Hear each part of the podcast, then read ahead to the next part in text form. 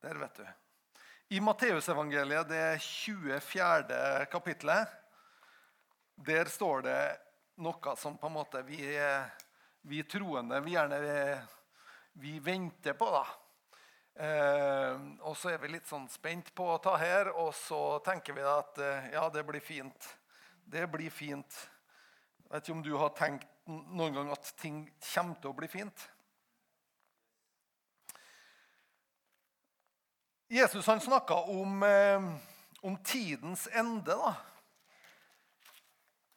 Og på en måte også opprettelsen av eh, sitt rike, fredsrike, tusenårsriket.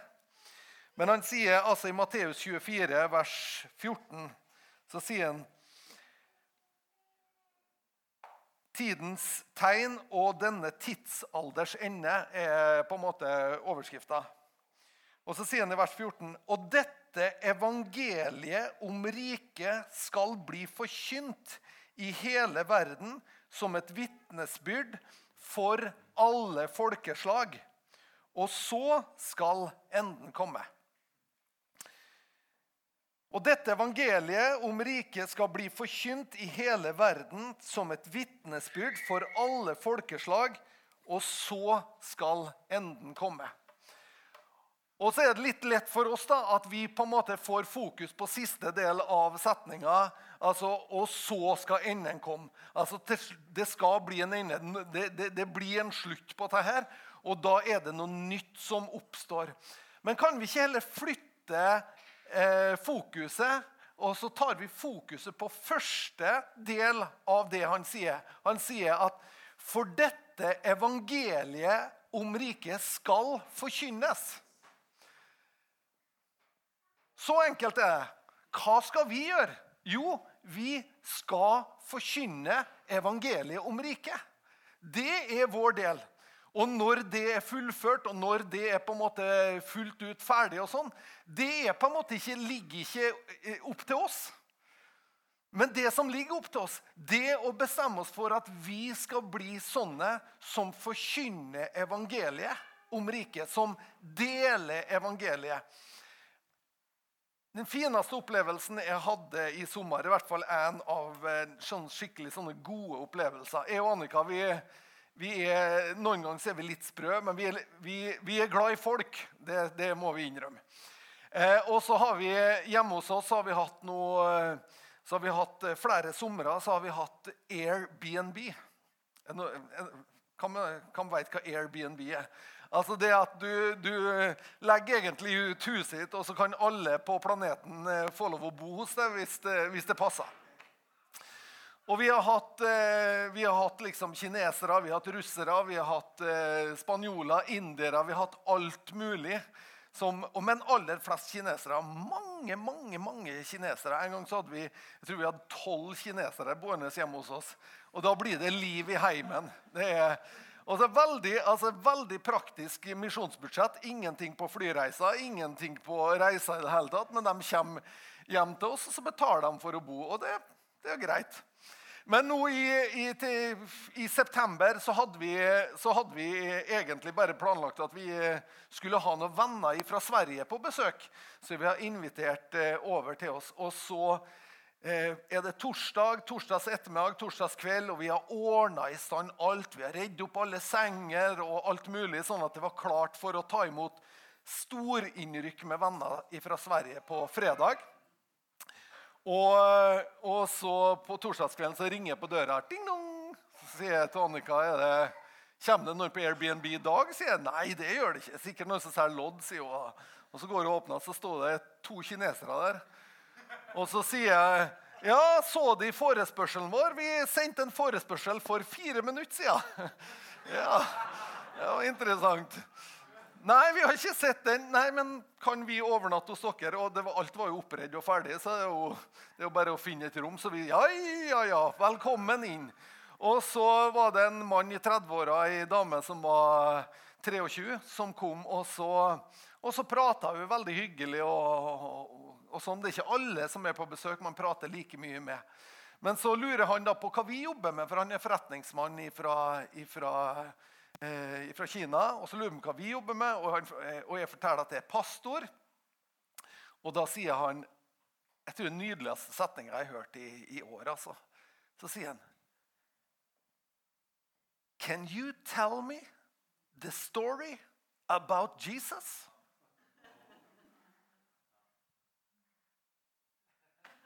Og jeg tenker Det er det beste spørsmålet. Det spørsmålet jeg faktisk aldri fått uoppfordra før på den måten. Can you tell me the story about Jesus? Og jeg tenker Ja, det kan jeg. Det kan jeg, altså. Men allikevel så blir det sånn Ja, kan jeg egentlig det? Skjønner du, eller? Altså, Du er jo på en måte, profesjonelt storyteller about Jesus, men allikevel så er det noe når, når folk virkelig vil ha Hva er dette her når vi går på klingen på det? Hva er det essensielle i historien om Jesus? Og så forteller han han har en gang, når han var guttunge, så, han, så kom det en kristen mann til deres by. og Han husker ikke hva han sa, han husker ikke hva, hva det var han prata om. og sånn, Men han husker det at han og noen andre guttunger hadde knelt ned. Og da var det en mann som hadde lagt hendene på dem og bedt for dem. Det var alt han husker om Jesus. Og Så var de litt slitne og trøtte, så de gikk til, til sengs og la seg. og Vi sto opp neste morgen, og jeg hadde ennå ikke fortalt historien om Jesus. Men så satt han og, og spiste frokost, og jeg og Annika sto og skjærte salat og skulle lage, til mat til storinnrykk. og så sier Annika til meg Ellen, nå kan du gå og så forteller du historien om Jesus. Og Jeg tar med meg Bibelen min og så går inn til, og så sier jeg at nå skal jeg fortelle denne historien. Og så gir Gud nåde til å dele evangeliet. Fra skapelsen til Jesu, til Jesu forsoningsverk for oss mennesker. Og Fantastisk preken på ti minutter. Fantastisk preken. altså Jeg kunne tenkt meg å høre henne sjøl. Eh, men det er noe, altså, for det er ikke alltid du sitter i førersetet sjøl. Men det, Bibelen sier at det skal bli gitt oss ord. Det skal bli gitt oss det vi skal tale i den tid vi, vi åpner munnen og begynner å snakke. Så det var altså en sånn evangelieforkynnelse som var fantastisk på ti minutter.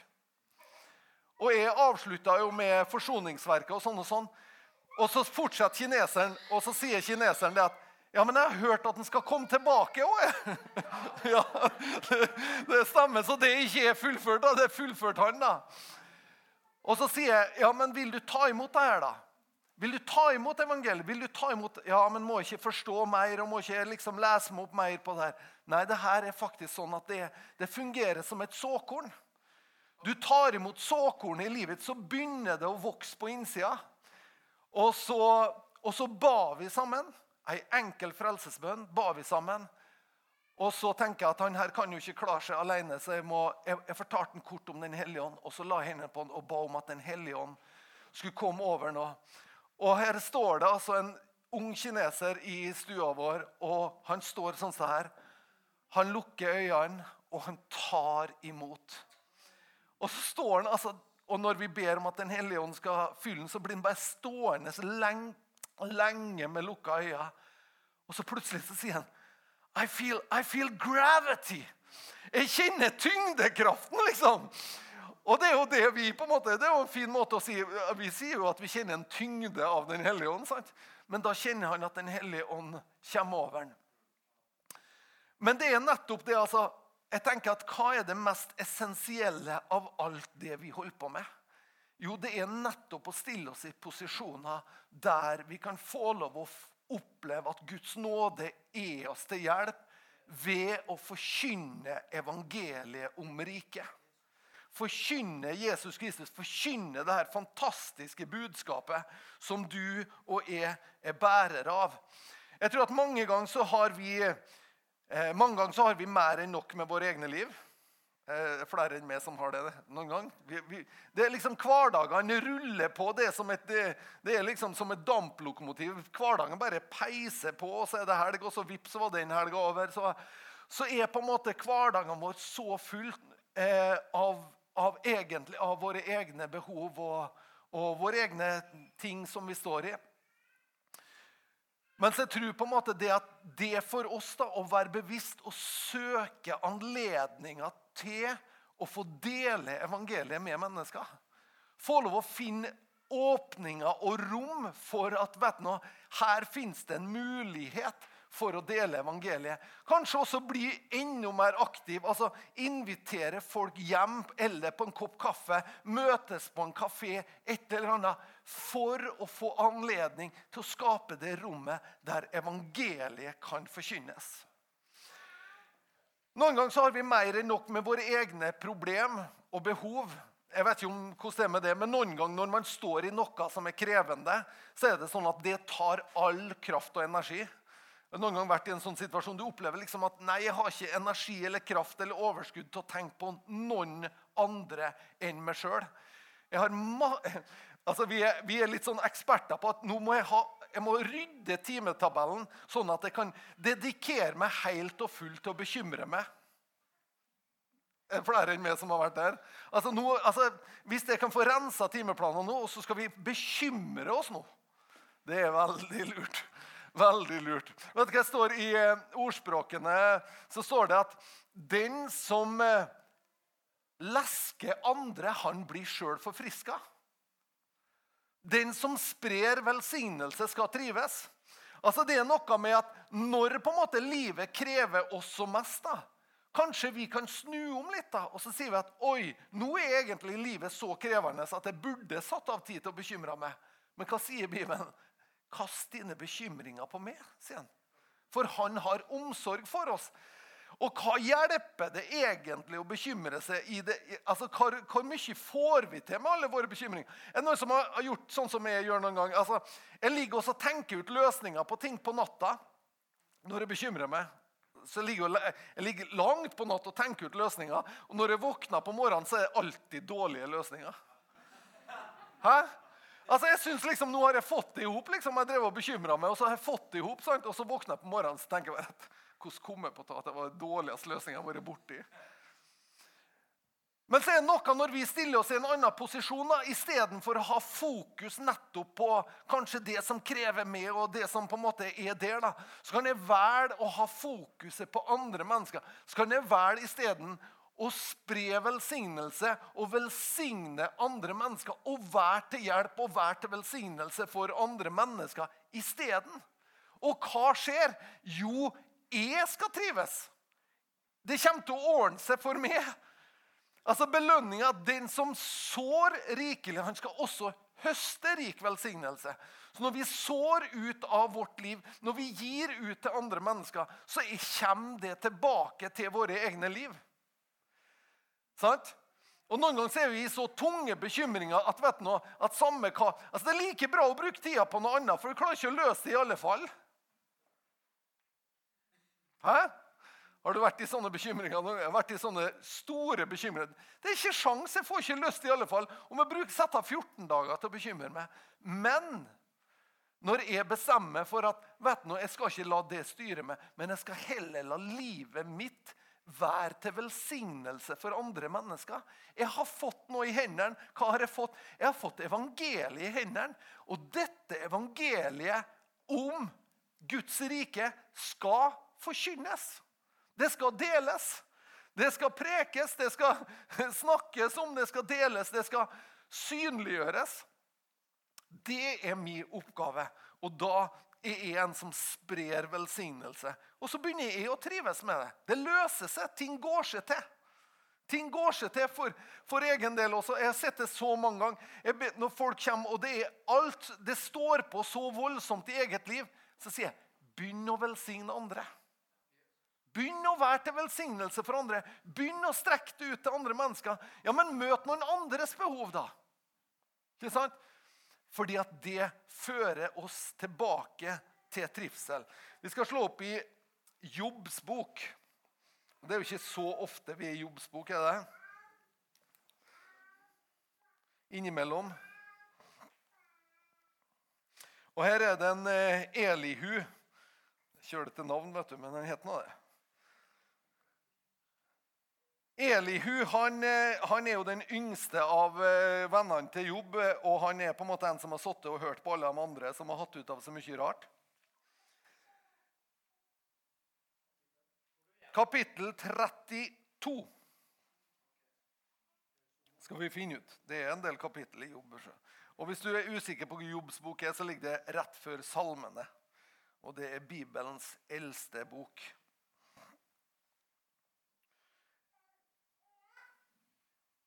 Og der står det i vers 18 Elihus og sier, For jeg er full av ord. Ånden i mitt indre tvinger meg. Se, mitt indre er som vin uten utløp. Det holder på å revne. Som nye skinnsekker. Jeg må tale, så jeg kan få puste ut. Jeg må åpne mine lepper og svare. For jeg er full av ord, ånden i mitt indre tvinger meg. Tenk hvis det kunne vært sånn med oss. At vi er så full av det her evangeliet at vi på en måte, vi må, bare få utløp for det. Tenk for en følelse Eliu har. Han opplever at han på en måte så opplever han at alt det de prøver å trøste jobb med, det er ikke ord som er livgivende for jobb. Og Så sitter Elihu og så opplever han at Gud har gitt ham en visdom som er rikere sjøl om han er yngst. Så er det opplevelsen til Elihu. Jeg bærer på noe som er av visdom fra Gud. Som er, som er til løsning for jobb. Og da blir det sånn at Hvis vi tenker sånn som Elihu, vi bærer på noe som faktisk passer inn i livet, i hverdagene, i familiesituasjonene til menneskene rundt oss, rundt oss, så er det sånn at vi også blir sånn at vet du, det er i meg, det er Guds ånd tvinger meg nesten til å formidle det. For det jeg har, det er av løsning, det er av nye muligheter, det er av oppreisning for mennesker. Og hvis det ikke er slipper det ut Tenk hvis det kan være sånn med oss at istedenfor å liksom ja, Kan du vitne om Jesus? Kan du fortelle noen om Jesus? Kan du si noe lite? Og så, og så liksom Nei, ikke jeg kan ikke spørre han i sånn. Tenk hvis det er sånn med oss isteden at vi, vi, blir sånn at vi bærer på noe. Og så er lengselen det vi bærer på. Kan ikke jeg få lov? Tenk hvis vi, tenk hvis vi en, en lørdags formiddag går i Elnesvågen og så tenker vi at kan en få lov å møte noen? Eller kan jeg en, en, en, fredagskveld kan jeg møte noen? Er det noen jeg kan dele med? Er det noen jeg kan gi det til? For dette evangeliet om riket skal forkynnes. Det skal berettes. Det skal deles. Tenk hvis det kan bli sånn som profeten sier. Det er som, det som ild som er innestengt i mine bein. Jeg kan ikke la være å forkynne om Herrens velgjerninger. Om Herren. Jeg kan ikke la være å forkynne. Jeg klarer ikke å holde det tilbake. Jeg tror at det rikeste vi som menighet kan oppleve, det er ikke at pastoren eh, går ned i spagaten og, og, gjør åndelige øvelser her, eller andre åndelige. Men jeg tror det rikeste vi kan oppleve, det er at den troendes tjeneste vekkes til livet. At ditt og mitt hverdagsliv i berøring med mennesker rundt oss, det er der vår åndelige gudstjeneste er. Og Så kommer vi sammen hit og så oppmuntrer vi hverandre. Og så kommer vi sammen og styrker hverandre. Absolutt.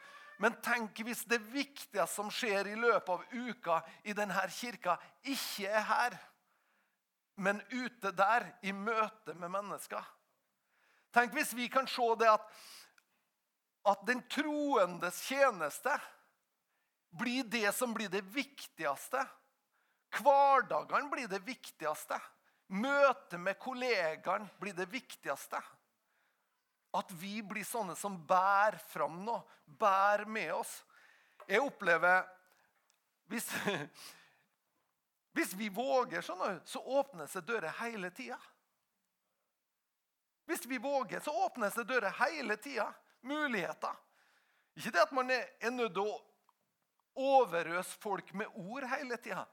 Men man kan være bærere av evangeliet og dele. Finn anledninger. Tenk om vi kan være nysgjerrig på det. Jeg lurer på hvordan Gud skal bruke meg i dag. Jeg lurer på hvilke anledninger som møter meg i dag. Og jeg tror at vet du, Når du først våkner og tenker sånn, da får du anledningene. Hvis vi liksom bare ruller i våre hverdager og dagene går, og sånn, vi tenker ikke noe på det, ja, men da ser vi ikke mulighetene heller. Da ser vi ikke det lille hintet. Den kollegaen som kommer bort og spør, ikke direkte, men indirekte. Som har lyst til å ha del av noe av det livet som du er en bærer av. Kjenner igjen det?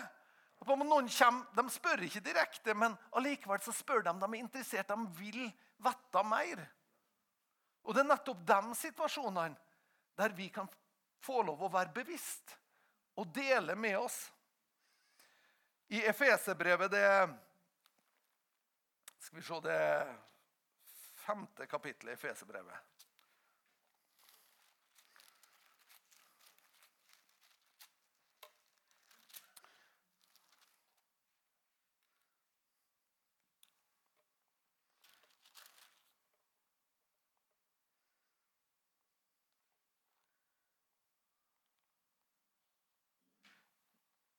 Unnskyld, fjerde kapittelet. Fjerde kapittelet, vers 11. Jesus han gir gaver til menigheten, står det. Eller gir tjenester til menigheten. Og han ga noen til å være apostler, noen til profeter, noen til evangelister, noen til hyrder og lærere. Hvorfor? For at de hellige skulle bli, gjort, skulle bli utrustet til tjenestens arbeid, til, til oppbyggelse av Kristi kropp, inntil vi alle når fram til troens enhet, til kunnskapen om Guds sønn, til manns modenhet og til det mål av vekst som rommer Kristi fylde for at vi ikke lenger skulle være som småbarn og bli kastet hit og dit og bli drevet omkring av enhver lærdomsvind ved menneskers knep, ved listig kløkt i villfarelsens kunst. Men, men sannheten tro i kjærlighet skal vi alle skal vi i alle ting vokse opp til Ham som er hodet, Kristus. Ut fra ham blir hele kroppen sammenføyd og holdt sammen ved den oppgaven som ethvert ledd har. Enhver etter virkningen av den styrke som er gitt hver del. Dette skaper vekst for hele kroppen til sin egen oppbyggelse i kjærlighet. Vekst til hele kroppen kommer ved at hver enkelt troende vokser. Og hver enkelt, og det er det som er Når Jesus deler ut gaver til menigheten, så har han ingenting Han har ingen hensikt av at på en måte det skal være noen som Ja, men han er profet, han. Og så skal han få ei høy stjerne for det. Er noen som kjenner igjen Har vi gitt stjerner? Gir vi stjerner til predikanter og til pastorer og til Gjør vi Altså, Ikke du, da, men har du vært med på at noen gjør det? Wow! Han er profet! Wow! Eller han Å, han er apostel, han. Eller han er det. Og så gjør vi mennesker til noe stort. Og så blir det på en måte personer det handler om. Men det er ikke det det handler om når Jesus gir gavene. Han gir dem for å utruste de hellige til tjeneste. Altså, sånn at Jesus sitt fokus når han gir gavene, det er at det skal være noen der som kan undervise Guds ord, som kan vise hva, hva, hva Skriften sier, sånn at den enkelte troende griper det som bor i seg sjøl. Det Gud har lagt ned av gaver i den enkelte. Og det er da kroppen begynner å vokse. Det er da, det er da kroppen begynner å vokse og bli moden og sunn. Det er når hver enkelt av oss sier Oi, er det, er det det her? Handler det om meg? Handler det om mitt liv? Handler det om min tjeneste? Ja, det er det som er sentrumet. Sentrumet er den troende. Sentrumet er hver og en av oss, og hvordan vi hver enkelt av oss kan fungere i fellesskapet. Hvordan du og jeg kan bli sånne som sprer velsignelse. Som hvordan du og jeg kan være sånne som backer opp hverandre og heier på hverandre. Og oppmuntrer hverandre. Ikke en sånn konkurranse i at 'nå var jeg åndeligere enn du'. Det er bare barnslig. ikke sant? Men hvordan kan vi oppmuntre hverandre? 'Wow, så spennende at du fikk den muligheten.' da. Oi, men klarte du å utnytte Å, så flott! Så bra! Så Det må jeg jo gjøre neste gang jeg får en mulighet på jobb. Sant? Altså At vi kan heie på hverandre og, og ikke liksom omgjort om er mest eh, åndelig eller mest fortreffelig. Det er helt uinteressant. Men allikevel er det interessant å vokse i Gud. Å vokse som troende. Min mest spennende tjeneste er ikke det som skjer her på søndager. Det er når jeg møter folk. det. Jeg møter folk hele tida. Og det er spennende. Det er kjempespennende. For det der jeg får samtalene, og det der på en måte man, Og så har jeg en fordel, for det er pastor. og da, Det er fordelen jeg har. da. Jeg sier bare at det er pastor, og da liksom eh, Så ligger det, ligger det åpent. Men du er en troende. Kanskje jeg skal slutte å si at jeg er pastor? Så ikke jeg har noen fordel, liksom. Men du, jeg tenker at du, det er en sånn rikdom. Og så er det sånn rikdom også i våre personlige liv. Fordi at når vi begynner å søke Gud for andre mennesker enn oss sjøl Sant? Kjære Gud, å, du må velsigne Å, du må velsigne, å kjære Gud, her er jeg. Treff meg nå. Med. Kom til meg. Sant? Velsign meg. Husker eh, av dem av dere som har gått alfakurs når vi hadde om bønn. Det var en som ba for alle sine skip og alle sine eiendommer. Og, jeg vet ikke om du husker det eksempelet. Men kjære Gud, velsign meg og, og se til at det ikke blir noe krig der, for der har jeg noen eiendommer i det distriktet. Og, og det var liksom med, med, med. ikke sant? Og, blir, og, og, når det blir så voldsomt, så skjønner vi hvor usunt det er. sant? Men likevel så speiler det ofte våre bønner. Og liksom, for Våre bønner strekker seg liksom noen, noen eh, meter rundt oss sjøl. Men tenk hvis vi kan be større bønner. Tenk om vi kan lengte større lengsler.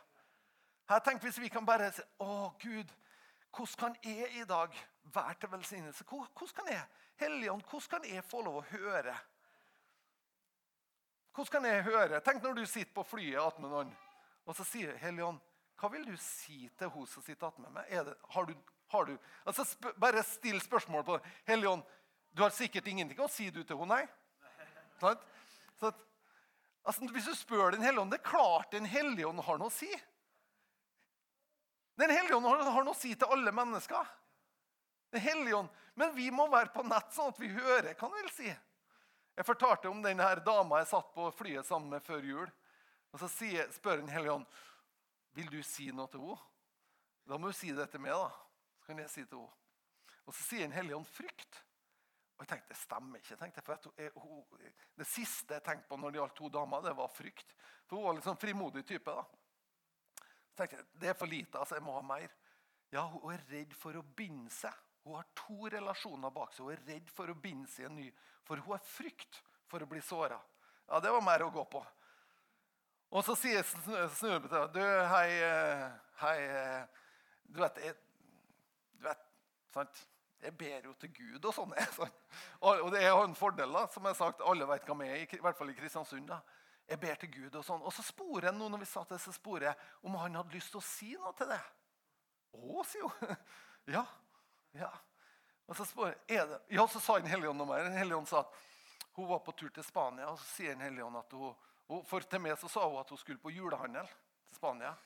Og så sier Den hellige ånd hun skal ikke bare på julehandel, men hun skal treffe en mann. Hva sier du da? vet du? Kan ikke si det. og så sier jeg til henne Er det sånn at du er du i relasjon med noen nå? liksom? Har du noen Nei, jeg har ikke det. Men når du skal til Spania, så sier hun ja, jeg skal faktisk treffe en. Sånn? Og så sier jeg at vet du noe, det jeg ba om, da, og det han sa, det var at du ikke skal være redd for å binde. Han sa at du var redd for det. Men han sa at du ikke skulle være redd for det, fordi han ønsker at du skal oppleve hvordan det er å bli elska. Gud ønsker det for deg. Og det er klart at Fantastisk vet du, å få lov å bare formidle det. Vil Den hellige ånd si noe? Klart Den hellige ånd vil si noe. Gud klart han lengter etter alle mennesker. Han, Han lengter etter å berøre. Men vi trenger også å lengte etter at det blir noen sånne berøringspunkter. At vi får lov å være kanskje en som vanner, kanskje en som sår, kanskje en som kommer med noe lite. Ikke tenk noe voldsomt på det, men kanskje, og kanskje vi får lov å stå der og oppleve kineseren som kommer og sier kan du fortelle meg historier om det her. Men la oss være sånne da, som vet hva, hva er det essensielle i historien. Sånn at det blir Det gjør evangeliet tilgjengelig for menneskene som vi møter. Jeg tror det Og det er da voksteren kommer. Altså det, det, er da menigheten begynner å vokse. Det er når vi blir sånne som på en måte lengter til å dele det med dem rundt oss. Vet Du nå, Du berører folk i livet ditt som jeg aldri har hatt kontakt med. Den sammensetninga av personer du har i livet ditt, det er ingen andre som har den sammensetninga. Kanskje du og noen andre troende har noen i felles sfære som de begge berører. Men du har en unik kontaktflate. Du har kontakt med mennesker som kanskje Det er kanskje enkelte i din krets der du er den eneste troende de har kontakt med. Hva skal du be? Kjære Gud, send noen andre inn i livet deres. Hæ? Er ikke det vi ofte gjør? Eller send vekkelse, liksom. Send, gjør noe, Gud. Grip inn. Ja, du griper inn, sier Gud. Du gjør det. Hva står det? Frimodighet, hva har det? Det har stor lønn med seg. Det vil si, Er vi frimodige, da får vi også lønn av det. Det vil si at Da får vi opplevd ting. Så jeg tenker at I 2018 så tror jeg at det viktigste vi kan oppleve, det er at vi oppmuntrer hverandre, at vi heier på hverandre. Og det her betyr ikke at vi ikke har egne behov, betyr ikke at vi ikke har egne ting vi står i som er krevende. Ja, men midt i det det er noe som er så befriende. skal jeg fortelle deg. Hvis du midt i at du står i krevende ting sjøl Jeg bryr meg ikke. Vet du noe? Altså Noen gang Jeg husker en kompis eh, han var arbeidsledig. Og Han, han streva skikkelig med å få seg jobb. Så kom han på ei kjempeplan. Han kom på at jeg skal ut på gata og så skal jeg preke evangeliet til folk hver dag. Og Du, du blir fortvila. Til og med jævelen kommer til å sørge for at han får jobb. For at Djevelen er jo livredd at han, han, der kan ikke gå arbeidsledig. altså Han må vi få. Gi mannen en jobb, sånn tis til, liksom. Men det var planen hans. da. Jeg skal preke evangeliet, og så, og så om ikke liksom, jeg får bønnesvaret fra Gud, så kommer fienden til å sørge for at jeg får jobb. Men det er noe med ei krav ta, altså, ta ikke riktig teologi, bare sånn at det var, det var bare, Men han var litt vittig i alle fall. Men kjære venner Sjøl om det er et krevende ting som møter våre egne hverdager, våre egne liv, så tror jeg at løsninga for oss den ligger alltid i Gud. Men så tror jeg også at i Gud så er det noe med at vi bare bestemmer oss for at jeg skal være til velsignelse for andre mennesker. Og Da skal din velsignelse komme over meg. Skal du se til at det kommer også på plass for min egen del. Og vet du noe? Det er mange mennesker som jeg kjenner, som står i ting. Du tenker at det de står i sjøl, det er så krevende. Det er så på en måte, det er så altoppslukende, det de står i sjøl. Men allikevel så er fokuset andre mennesker. Du kan høre sterke vitnesbyrd om helbredelser til og med. Men så sliter de med sykdom sjøl. Men allikevel så våger de å være til velsignelse for andre. Amen. Dette evangeliet om riket, hva skal vi gjøre med det? Jo, det skal forkynnes. Det er det som skal gjøres med det. Evangeliet om riket, det skal forkynnes, det. Hva skal vi gjøre med det vi har fått? Ja, Enkelt. Det skal forkynnes. Det skal deles, det skal fortelles, det skal på en måte spres. Og Noen ganger kanskje du opplever at du sår litt, men det er ikke noe særlig god jord. eller det er ikke noe særlig, Du får ikke noe eh, gjensvar eller respons. eller noe sånt. Men kanskje, kanskje sånn at du kan Er det ting du kan gjøre for å hjelpe mennesker til at eh, De får løfta bort noen steiner som er til hinder for evangeliet. Er det ting de har opplevd? Er det kristne som har sagt ting mot dem, eller vært sur eller tverr, eller Hæ? Så er det ofte sånne steiner som ligger i jordsmonnet, som vi trenger å løfte bort. Jeg husker På en alfamiddag vi hadde her, så kom det ei dame og satte seg ned. Og vi satt og prata, så fortalte hun at hun som, som ung jente opplevde at hun ble frøset ut av et kristent miljø fordi at foreldra hennes drakk. Tenk det. Kristen, altså, et kristent fellesskap som skulle ha tatt imot henne og sett behovet hennes. De skubba, og det var de voksne som skubba henne ut fordi at foreldra hennes drakk. Hæ? Vi satt der og så sa jeg, men kan ikke jeg få lov å be deg om tilgivelse på vegne av alle kristne? Kan ikke jeg be om tilgivelse? Og hva som skjer da? Jo, det skal vi få lov til. Og vi, vi satt der, og tårene trilla. Men det som skjer, er at du løfter ut en stor stein. Løfter den. Og så er det et annet jordsmonn for å ta imot evangeliet. Men noen ganger så må den jobben gjøres. Noen må være der og snakke med folk. Noen må være der og finne ut hva er som bor her. Hva er det du har opplevd? Hva er det du har Men hva sier du den dagen du, noen kommer til det og så sier Can you tell me the story about Jesus? Kan vi historien om Jesus? Kan vi det essensielle? Eller må vi kanskje øve oss på å dele det, som en eh, Harald sa? Må vi øve oss på å dele det? Øve oss på hverandre? Takk, Jesus. Takker deg, Herre, for at du utfordrer oss, Herre.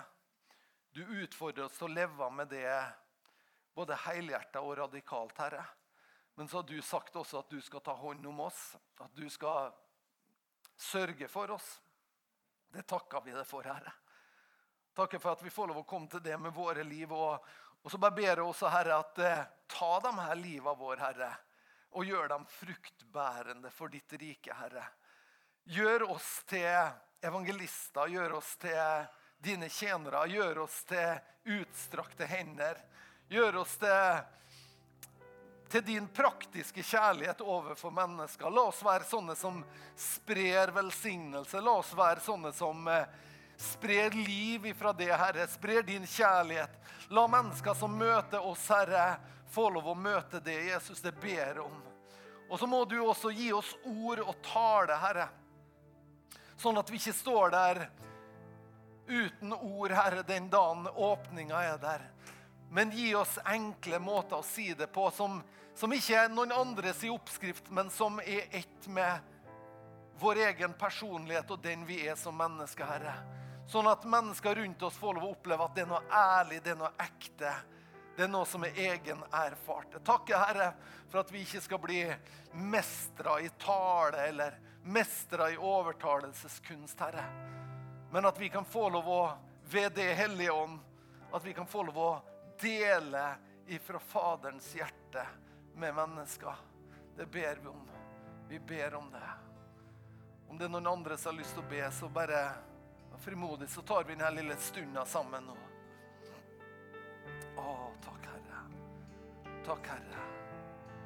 Takk, Herre. Det er kanskje noen også som eh, Evangeliet har kryssa livet ditt eh, mange ganger. Evangeliet har vært i nærheten av livet ditt eh, mange ganger. Og, og, du har på en måte klart å holde det på sånn passende avstand. Og, men likevel så har evangeliet vært der, og gang på gang, når evangeliet krysser livet ditt, så er det sånn at du kjenner at det er en dragkraft i det. Det er noe som også maner deg til å gi det fullt og helt over til det. Og hvis du er her i dag nå i formiddag som, som på en måte tenker ja, vet du, Erlend, det er med. Evangeliet har vært i nærheten av livet mitt, men har egentlig aldri sluppet det helt inn.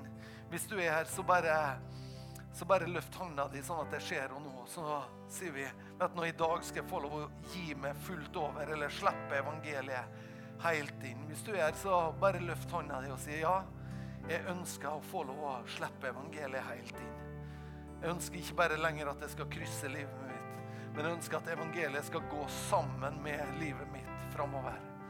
Takk, Hellige Ånd. Takk, Hellige Ånd. Vi priser det, Herre. Å, din godhet, Herre. Din godhet, Herre. Å, vi priser deg, Herre. Å, jeg takker deg, Herre. Å, jeg takker deg for din godhet, Herre.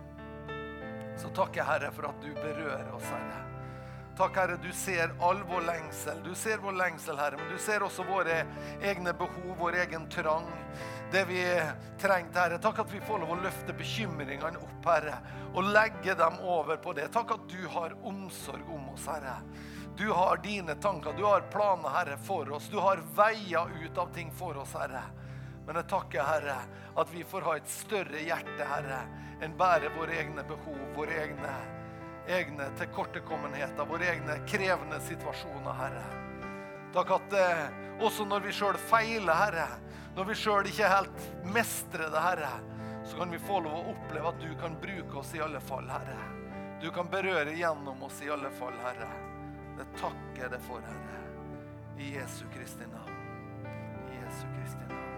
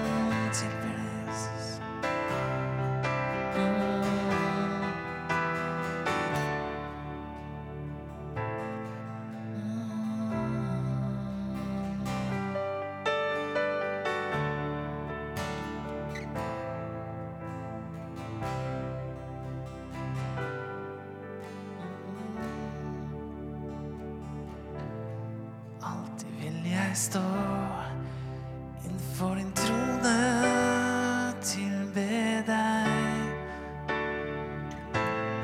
Alltid vil jeg stå